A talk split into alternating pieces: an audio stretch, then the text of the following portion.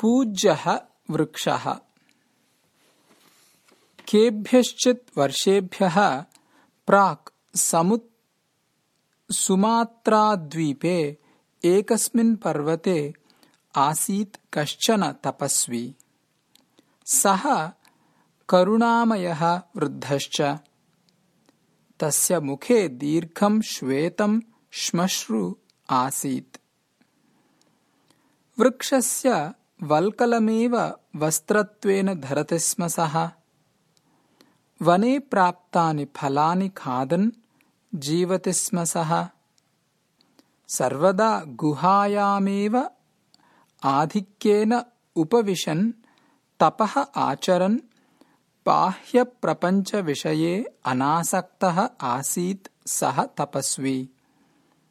तदा तदा कृषिकाः ग्रामात् आगत्य स्वकष्टानि निवेद्य तस्य मार्गदर्शनं प्राप्नुवन्ति स्म।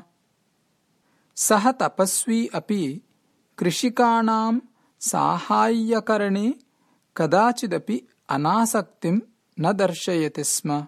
तस्मिन्नेव पर्वते अन्ये अपि केचन तपस्विनः आसन्। यथा वृद्धतपस्वी करोति तथा ते कठिनां साधनां कर्तुं न शक्नुवन्ति स्म।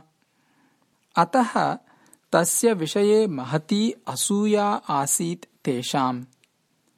यदा वृद्धतपस्वी बहिरागच्छेत् तदा ते तपस्विनः रहसि स्थित्वा दूषितं फलं शिलाखण्डं वा तदुपरि क्षिपन्तः तं पीडयन्ति स्म किन्तु वृद्धतपस्वी तु कदाचिदपि असन्तोषम् अप्रकटयन् शान्ततया तिष्ठति स्म। एकदा वृद्धतपस्वी बुभुक्षया पीडितः सन् फलानि अन्विष्यन् अरण्ये गच्छन् आसीत्। तदवसरे सर्वे असूयापराः तपस्विनः एकीभूय एकस्याः बृहत्याः शिलायाः उपरि पदानि स्थापयन्तम् तं वृद्धतपस्विनम् अधः पातयितुम् प्रयासं कृतवन्तः।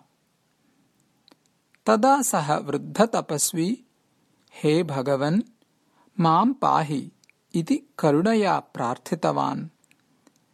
यावत् तस्य वचनानि न समाप्तानि तावता कश्चन महान् सर्पः आकाशात् अपतत् तपस्विनः पादस्य समीपे।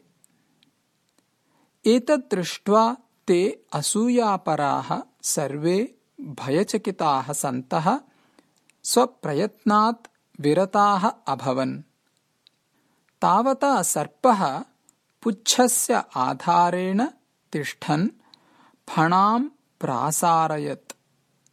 फणायाः अधः तिष्ठन् वृद्धतपस्वी अपायरहितः अभवत्।